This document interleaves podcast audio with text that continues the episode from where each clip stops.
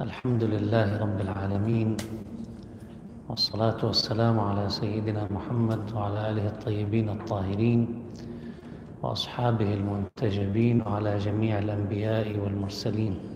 اللهم صل على محمد وآل محمد. من جملة الكلمات التي سطرها أمير المؤمنين علي عليه السلام ونجدها في نهج البلاغة. هو حديثه عن واجبات من يؤم الناس. يقول عليه السلام في المروي عنه من نصب نفسه للناس إماماً فليبدأ بتعليم نفسه قبل تعليم غيره وليكن تأديبه بسيرته قبل تأديبه بلسانه ومعلم نفسه ومؤدبها أحق بالإجلال من معلم الناس ومؤدبهم هذه الكلمة من أمير المؤمنين علي عليه السلام تلخص أحد أهم العناصر الضرورية لتربية الناس. والمقصود بالتأديب هنا التربية والتنشئة بحيث عندما ينطلق الإمام من أجل أن يتصدى لتعليم الناس فإنه لا بد أن يدرك بأن أمامه مسؤولية أساسية. وهي أن عليه أن يبدأ بنفسه اولا قبل أن يعظ الناس وقبل أن يرشد الناس وقبل أن يتحدث مع الناس بما ينبغي عليهم أن يفعلوه. وينبغي هو أن يطبق على نفسه اولا ما يعلمه للناس وما يطلب من الناس أن يطبقوه على أنفسهم. وقد يلوح للإنسان عندما يقرأ هذه الكلمة بأن الإمام علي عليه السلام كأنه يريد أن يشير إلى الإمامة السياسية. بمعنى الإمام الذي يأتم به الناس الذي يكون في موقع القيادة للناس أو القيادة الدينية. بمعنى من يجعل نفسه في موقع رجل الدين أو عالم الدين الذي يعظ الناس ويرشد الناس. ولكن لو تأملنا في المبدأ القاعدة التي يرتكز عليها هذا الحديث فإننا يمكن أن نجد بأن المقصود بالإمام هنا هو كل من يأتم به الناس. كل من يجعل نفسه في موقع القيادة للناس أو في موقع التأثير على الناس. الإمام هو الإنسان الذي يقف في المقدمة ويأتم به الناس خلفه مثل صلاة الجماعة. هناك شخص يصلي في مقدمه الناس وهناك وراءه من يتابعون بحركتهم وصلاتهم صلاته. لا يسبقونه بفعل وعادة ما لا يسبقونه بقول كذلك. وتتحقق بهذا معنى أو مفهوم أو صورة. عندما يقول الإمام من نصب نفسه للناس إماما هو يتحدث فعليا عن الموقع القيادي العام. لكن الإمام بحد ذاته الذي يأتم به الناس هو إنما سمي إماما لأن الناس تتبعه في سلوكها في حركتها. فعادة كيف يتحرك كيف يتجه تتجه الناس خلفه. ولذلك في يوم القيامة يقول تعالى يوم ندعو كل أناس بإمامهم. الإمام يقود الناس والناس الذين اتبعوه في الدنيا يمشون خلفه. نستطيع أن نأخذ من هذا المفهوم مبدأ أساسي وهو أن كل من هو في موقع التأثير على جماعة معينة من الناس فهو إمام لهم بالضرورة. قد يكون الإمام إماما في السياسة وهذا هو المعروف من القيادة أو في الدين بمعنى من نصب نفسه للناس قائدا في السياسة فليبدأ بتعليم نفسه قبل تعليم غيره. أيضا من نصب نفسه رجل دين أو عالما بالإسلام فليبدأ أيضا بتعليم نفسه قبل تعليم غيره. ولكن يمكن أن نعمم ذلك. من كان في موقع التأثير في داخل أسرته فهو إمام أسرته. هو يؤثر على الناس الذين يتبعونه ويتخلقون بأخلاقه. وبالتالي الأب هو إمام لأبنائه بهذا المعنى. الأم قد تكون أيضا إماما لأبنائها. الأخ الأكبر في تأثيره على إخوته الصغار قد يكون إماما لهم بهذا المعنى بمعنى التأثير. من يقوم بشيء فيقلده من يتأثر به الأول يصبح إماما للثاني بهذا المعنى. أيضا في المجال ربما الإداري في عالم العمل المدير هو إمام للموظفين الموجودين. وغالبا ما نجد بأن الموظفين أو العاملين في مجال معين الشخص المسؤول عنهم إمام لهم بمعنى أنهم يتأثرون به. لا في طريقة أدائه للمهنة فحسب. لا في طريقة عمله وتطبيقه للمعايير مثلا وإنما أيضا في أخلاقيات المهنة. ولذلك كثير من الناس الذين كانوا مخلصين في عملهم الناس الذين كانوا ضمن دائرتهم الإدارية أو الوظيفية أو المهنية تأثروا بهم لا من الناحية فقط المهنية وإنما تأثروا بهم أيضا من الناحية الأخلاقية. هذا في الجانب الإيجابي. أيضا في الجانب السلبي. الأب عندما يكون إماما لأبنائه أو الأم كذلك أو الأخ الأكبر كذلك أو في المدير كذلك أو ربما في أي مجال من المجالات في التعليم؟ المعلم أيضا هذا واحد من أهم الأئمة إذا صح التعبير. لأنه يؤثر في تلاميذه. المعلم كذلك. عندما يكون لدينا هذا التأثير إذا كان المعلم ممن قام بواجبه تجاه نفسه فتأثيره في الآخرين يصبح أقوى وأشد. وهذا ما يسمى اليوم بعلم التربية التعليم بالنمذجة بمعنى أن يعلم الإنسان بنموذجه بتجسيده للفكرة التي يدعو إليها المبدأ الذي يرشد الناس إليه الأخلاق التي يعظ الناس بها هو يبدأ بيشكل النموذج بالنسبة إليهم. ولذلك هذا الإنسان طلب منه في المجال السياسي أو في المجال الديني أو في المجال الأسري أو في المجال الاجتماعي أو التعليمي والتربوي أو المجال المهني. كل من يقف في موقع المسؤولية عليه أن يبدأ بتعليم نفسه قبل أن قبل تعليم غيره. الآن إذا واحد صاحب عمل ما بيعرف يشتغل بيروح الواحد بيتعلم عنده؟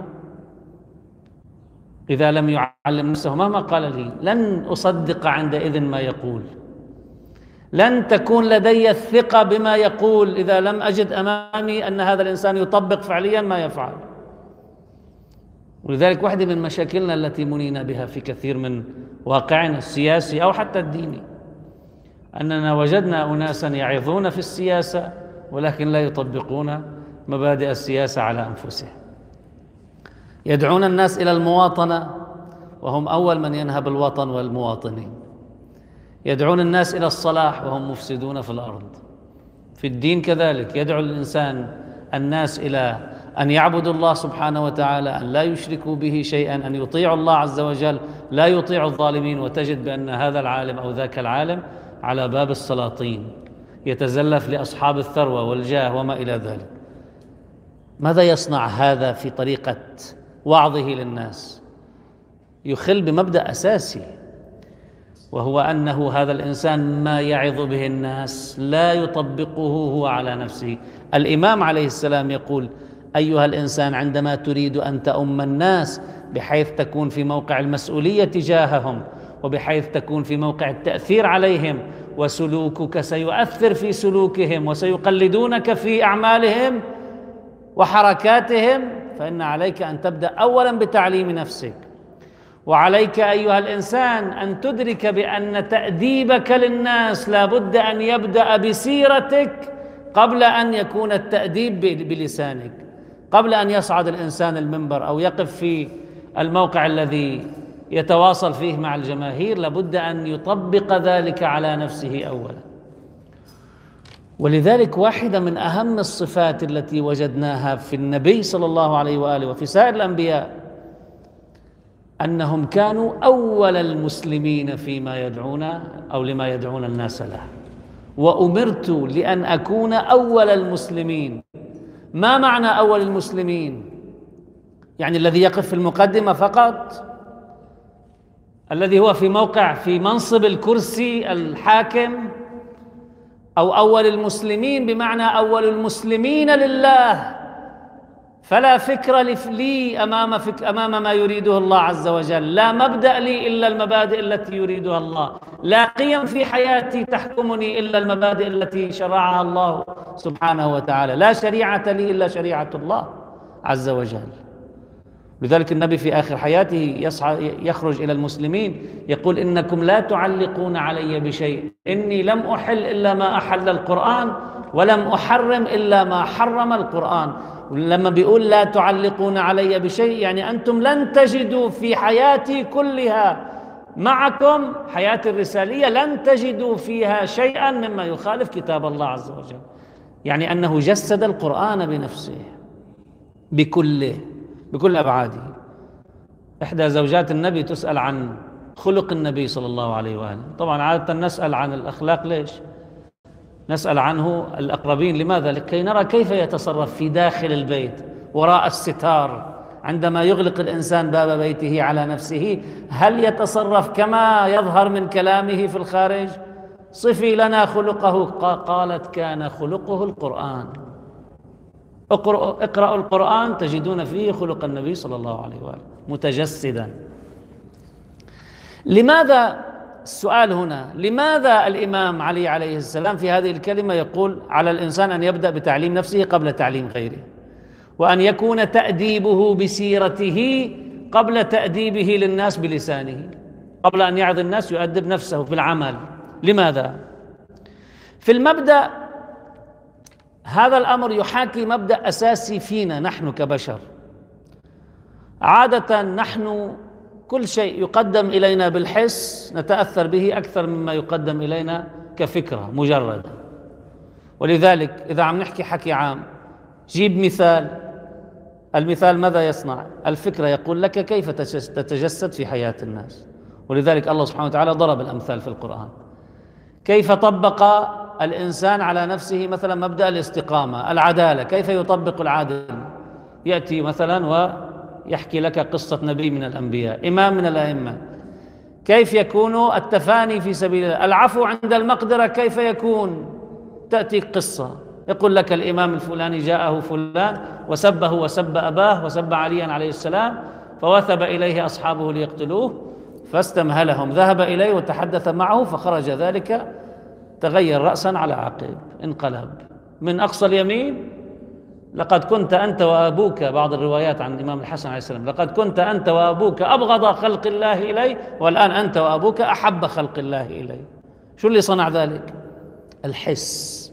رأى هذا الإنسان أمامه هذه القيمة متجسدة في من؟ في هذا الإمام. كيف أنه كان قادرا على أن يقتص من ذلك الإنسان قادر على أن يؤذي ذلك الإنسان ربما قادر على أن يقتل ذلك الإنسان لكن رأى العفو أمامه بصورته بشكله بجماله بجلاله رآه أمامه متجسدا في سلوك الإمام. ولذلك خرج يقول الله أعلم حيث يجعل رسالته. هذا السلوك المتجسد من الإمام يوازي ألف خطبة ربما ألف كلمة. أفضل من خمسين ألف كلمة ربما يعظ فيها الناس بأنه لابد أن أيها الناس عليكم أن تعفوا عند المقدرة. أيها الناس عليكم أن تجسدوا الحق في حياتكم. أيها الناس عليكم أن لا تحابوا الأقربين على حساب الأبعدين لمجرد أن هذا قريب تقربه تعطيه. ليش من الإمام علي عليه السلام عظيم كان في سلوكه بعد رسول الله صلى الله عليه وآله؟ لما بيجي لعنده عقيل الذي هو أخوه وكان كثير العيال وشديد الفقر يأتي إليه ويقول له أنه بدي شوية مصاري بدي شوية أعطي زائد على ما تعطيني إياه من بيت المال. أنا صاحب حاجة. وأتى بحالة يرثى لها. فيقال قرب إليه الإمام حديدة من جسده فكأنه انتفض بها تألم من حرارتها. فقال أتئن من حديدة أحماها إنسانها للعبه ولا أئن من نار سجرها جبارها لغضبه أتئن من أذى ولا أئن من لظى. هذا سلوك عملي. لما بنجي نسمع عن هذه القصة من أمير المؤمنين علي عليه السلام نشعر بجمال هذا الإنسان في داخله أنه ليس فيه شيء إلا لله سبحانه وتعالى. ليس فيه شيء لهوى لذات لنفس. لقرابة ولا لأي شيء. الله سبحانه وتعالى ماذا يريد؟ يعادي الأقربين. لا مشكلة. وهذا كله من رسول الله صلى الله عليه وآله. ولذلك التعليم والتأديب بالسيرة والسلوك أهم وأفضل بدرجات من التعليم بالكلام. لأن الكلمة تبقى كلام بالهواء مجردا قد يأخذها إنسان ويطبقها وقد لا يتعقلها إنسان كما يجب. أما عندما أجد أمامي السلوك فأنا أتبعه مباشرة. ولذلك الناس الذين كانوا في زمن النبي صلى الله عليه وآله النبي قديش غير العالم؟ ألم يغير رسول الله العالم؟ ليس فقط أهل مكة والمدينة وما إلى ذلك غير العالم من بعد. بقديش؟ ب 23 سنة. لماذا؟ لأنه كان لا يقول ما لا يفعل. كان يجسد القرآن بسلوكه قبل أن تنزل عليهم آياته ليسمعوها ليروها في سلوكه قبل أن يسمعوها بلسانه وبلفظه. هذا بالكتاب. والحديث كانوا ينظرون إليه في كل سكناته وحركاته سيرته في داخل المكان المعزول عن الناس وفي الخارج كله واحد. ولذلك كان تأديبه بسيرته أسرع تأثيرا من تأديبه بلسانه. يمكن كثير من الناس تفهم عليه الموضوع غلط وكثير من الناس ما استوعبوا كثيرا مما يقول. القلة استوعبت ما قاله النبي صلى الله عليه وآله. لكن من كان معه يأتمون به كانوا يسلكون سلوكه. كانوا كيف يتحركون. في كثير من القصص بعض التفاصيل النبي حتى ما يشتبه عليهم الموضوع. كان النبي شايفينه بالعرفات مثلا. تمشي الناقة وقف النبي بمكان ما. فقال لهم للمسلمين انتبهوا هن ناطرين النبي وين رايح؟ وين واقف؟ ليوقفوا حده. قال لهم لا انتبهوا يا جماعة. كل عرفات موقف مش موقع. أقدام الناقة هو الموقف حتى تأتوا وتلصقوا أنفسهم أنفسكم بناقتي. ليش؟ كانوا مشدودين إلى ما يطبقه النبي. هذا بالجانب الشرعي بالجانب الأخلاقي والجانب العقائدي. والله يا عم لو وضعوا الشمس في يميني عرضوا عليه كل الدنيا والقمر في شمالي على أن أترك هذا الأمر ما تركته أو أهلك دونه. هذا شافوا قدامهم قديش العقيدة بالله عز وجل يمكن أن تصنع من الإنسان ثابتا إلى هذا المستوى الذي يغرى بكل شيء ولا يقبل الذي يهدد بكل شيء ولا يقبل أن يرضى الذي يحاول أن يغتال ومع ذلك يبقى ثابتا مكانه على الرؤية التي أراه الله سبحانه وتعالى والوعد الذي وعده الله حتى يرجع بعد ذلك ليفتح مكة بعد أن كان مطرودا منها وكان مهاجرا منها. هذا بفرجينا قدامنا قديش العقيدة تصنع الثبات ماذا يصنع؟ هذا بالتجربة. لذلك بنقول الإنسان اللي أمامه كثير من التجارب شيء والإنسان اللي قاري الكتب شيء آخر.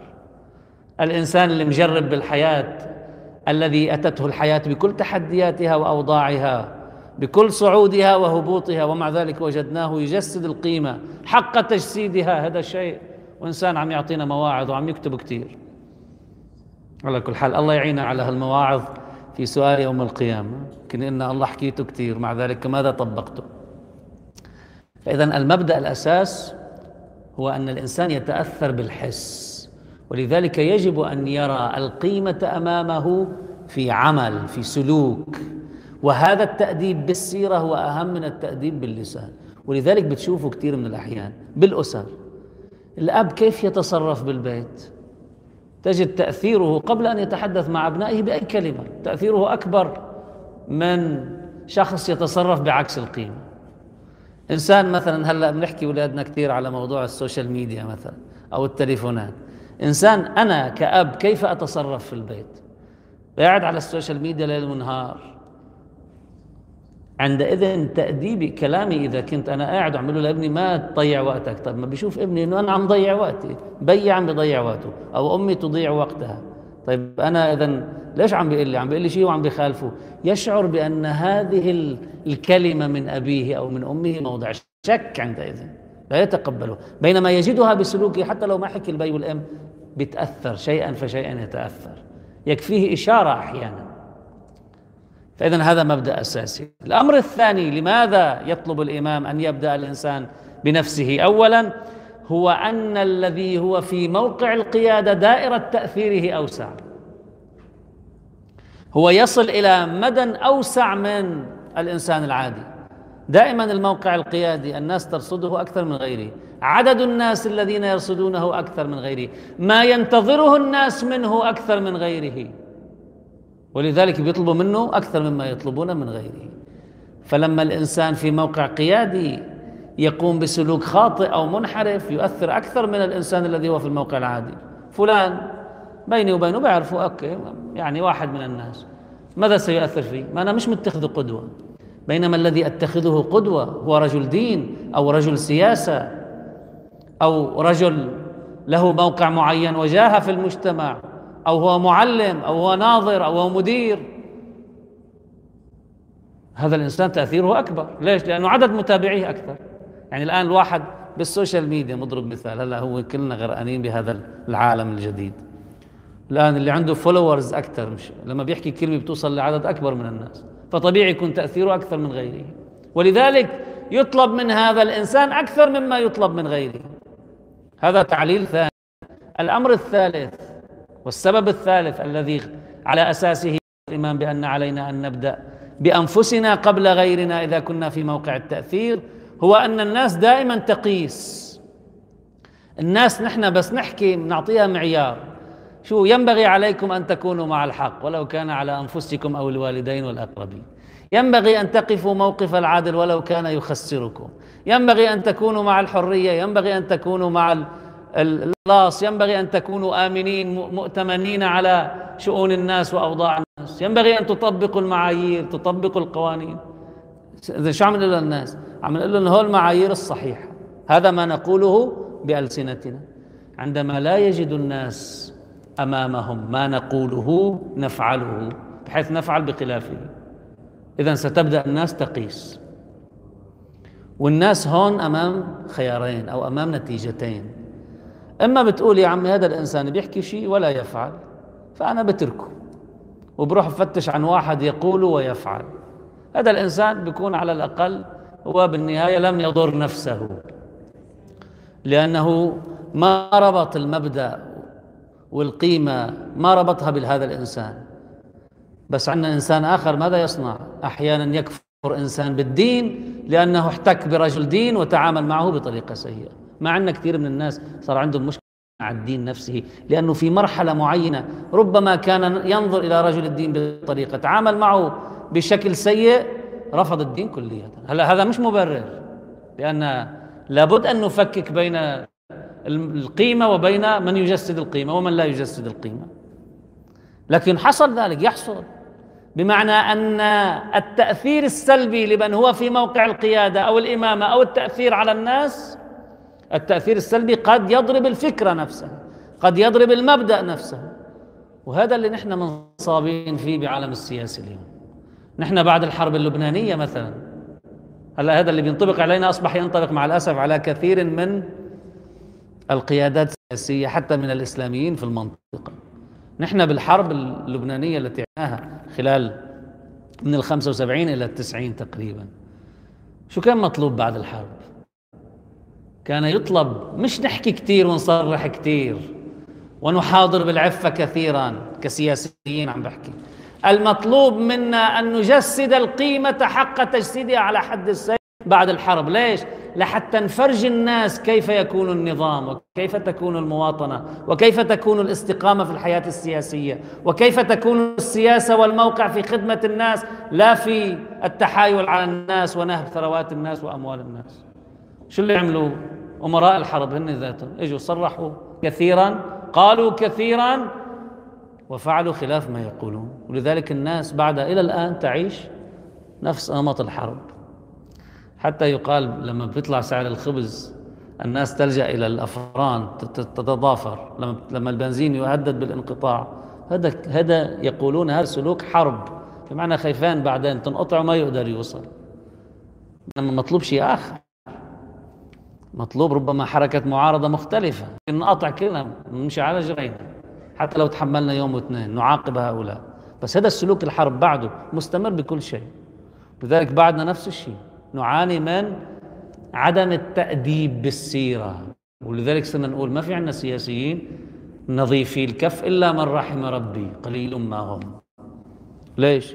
لأن هؤلاء علموا الناس وعظوا الناس صرحوا للناس حاضروا بالعفة لكن لم يطبقوا على أنفسهم شيء بعدهم نفس عقلية أمراء الحرب. هم يمارسونها لا يزالون يمارسونها. لكن شو؟ بطقم مجرفات كما يقال. بحضارية معينة. بطريقة يتحايلون فيها على الناس.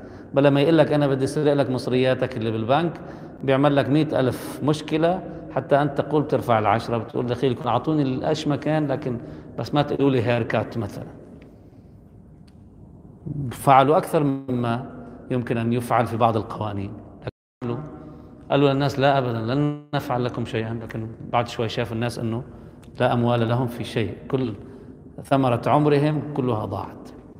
لأن تأديبهم بسيرتهم لم يكن قبل تأديب الناس بألسنتهم. بدنا نموذج. بالدين بدنا نماذج بالسياسة بدنا نماذج بالأسرة بدنا نماذج بالمدرسة بالجامعة بدنا نماذج. لما بتضيع النماذج تضيع التربية عندئذ. ولما بنشوف عندنا مشكلة في التربية إذا بنشوف مشكلة في المواطن فلنعلم أنهم في موقع القيادات للوطن لا يؤدبون الناس بسيرتهم تأديمهم بألسنتهم. لما بنلاقي عندنا مشكلة في التدين لنعرف أن واحد من العوامل المؤثرة في هذا المجال أن رجال الدين أصبحوا لا يشكلون النموذج الذي يجسد للإنسان القيمة أمامه. في مشكلة ما يجب أن نبحث عنها في النموذج قبل أن نبحث عنها في الكتب وفي المواعظ في كثير من الكلام الجميل. لكن في النموذج أين؟ هل رجل الدين يتحدث مع الناس بعلم وبعمل أو لا فقط يتحدث بنظريات. بيقول لك اشبعنا نظريات. تحكوا شيء وبتفعلوا شيء. حتى الآن. هذا في السوشيال ميديا بنشوف. بيقول لك بتحكوا شيء وبتفعلوا شيء. مثلا. بمعزل عن الصواب والخطأ في ذلك. لأنه أحيانا التعميم أيضا كذلك فيه ربما ظلم حتى لمثل هؤلاء. المطلوب إذا ثلاثة أمور. المطلوب العلم معلم نفسها معلم نفسه ومؤدبها. المطلوب العلم والمطلوب العمل والمطلوب أن يخلص الإنسان نيته.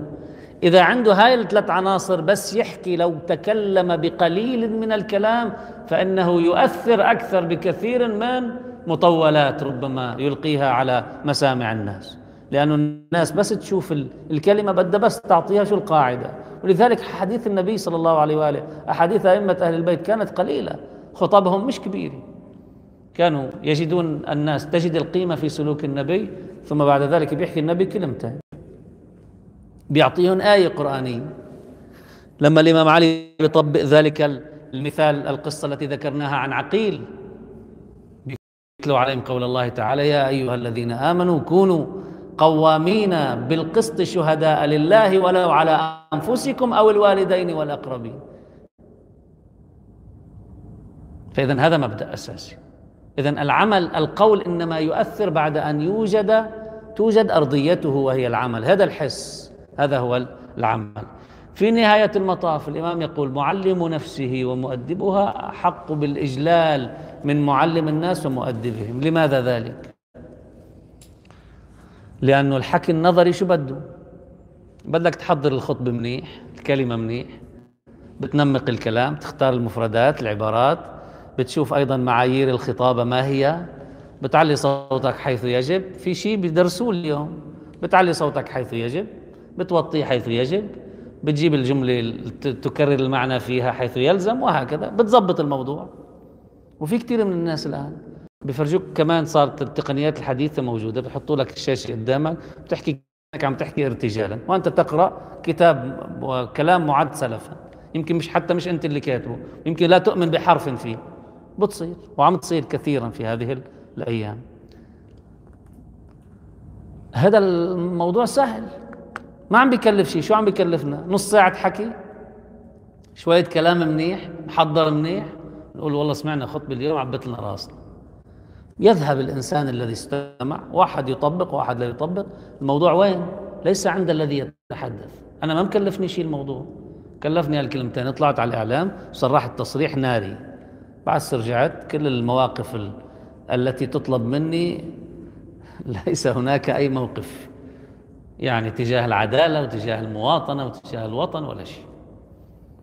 كلفني شو خطأ بيقول له اليوم لذلك السياسيين سهل يحكوا يطلعوا بالخطاب سهل. خمس دقائق كلام ماشي الحال. معلم نفسه ماذا يطلب منه؟ أمام انفعالاته أمام الغضب كيف يتصرف؟ يحلم أو لا يحلم؟ إذا عنده قدرة على إنسان أساء إليه هل يعفو عند المرء أو لا؟ بده يكبت مشاعره أو لا؟ بده ينتصر لذاته أو لا؟ أمام الإغراءات هل يرضخ أو لا يرضخ؟ أمام التحديات والضغوطات كيف يتصرف؟ بيضل ثابت على الحق أو لا يتزلزل؟ هذا بكلف. هذا يكلف مكلف جدا. قد يكلف الإنسان حياته في بعض الأحيان. قد يكلف الإنسان الحرمان والصبر على الحرمان. في بعض المواقع. فإذا لما بنشوف واحد علم نفسه وأدبها قطعا هو أحق بالإجلال من معلم الناس ومؤدبهم ممن لم يؤدب نفسه ولم يعلمها لأنه ذاك اللي كلفوا الموضوع خطاب منمق جميل أما ذاك فمعاناة كبيرة. في الصغيرة والكبيرة يراقب نفسه ويهذب نفسه ويكسر شهوته عند المطامع وعند التحديات يسلي نفسه بالصبر يواجه الغرائز الشهوات الأطباع. كل ذلك هذا يتطلب منه الكثير من الضرائب يدفعها الإنسان من نفسه من جهده من وقته. أكيد سيكون معلم الناس ومؤدبهم مؤدبهم أحق بالإجلال من معلم معلم نفسه ومؤدبها أكيد سيكون أحق بالإجلال من معلم الناس ومؤدبه. إذا الإمام يقول من نصب نفسه للناس إماما أيا كان موقع هذه الإمامة. من كان في موقع التأثير والمسؤولية والقيادة بحيث يتأثر به عدد قليل أو كثير من الناس فليبدأ بتعليم نفسه قبل تعليم غيره. وليكن تأديبه بسيرته بسلوكه قبل تأديب بلسانه ومعلم نفسه ومؤدبها أحق بالإجلال من معلم الناس ومؤدبهم. والحمد لله رب العالمين. والسلام عليكم ورحمة الله وبركاته. اللهم صل على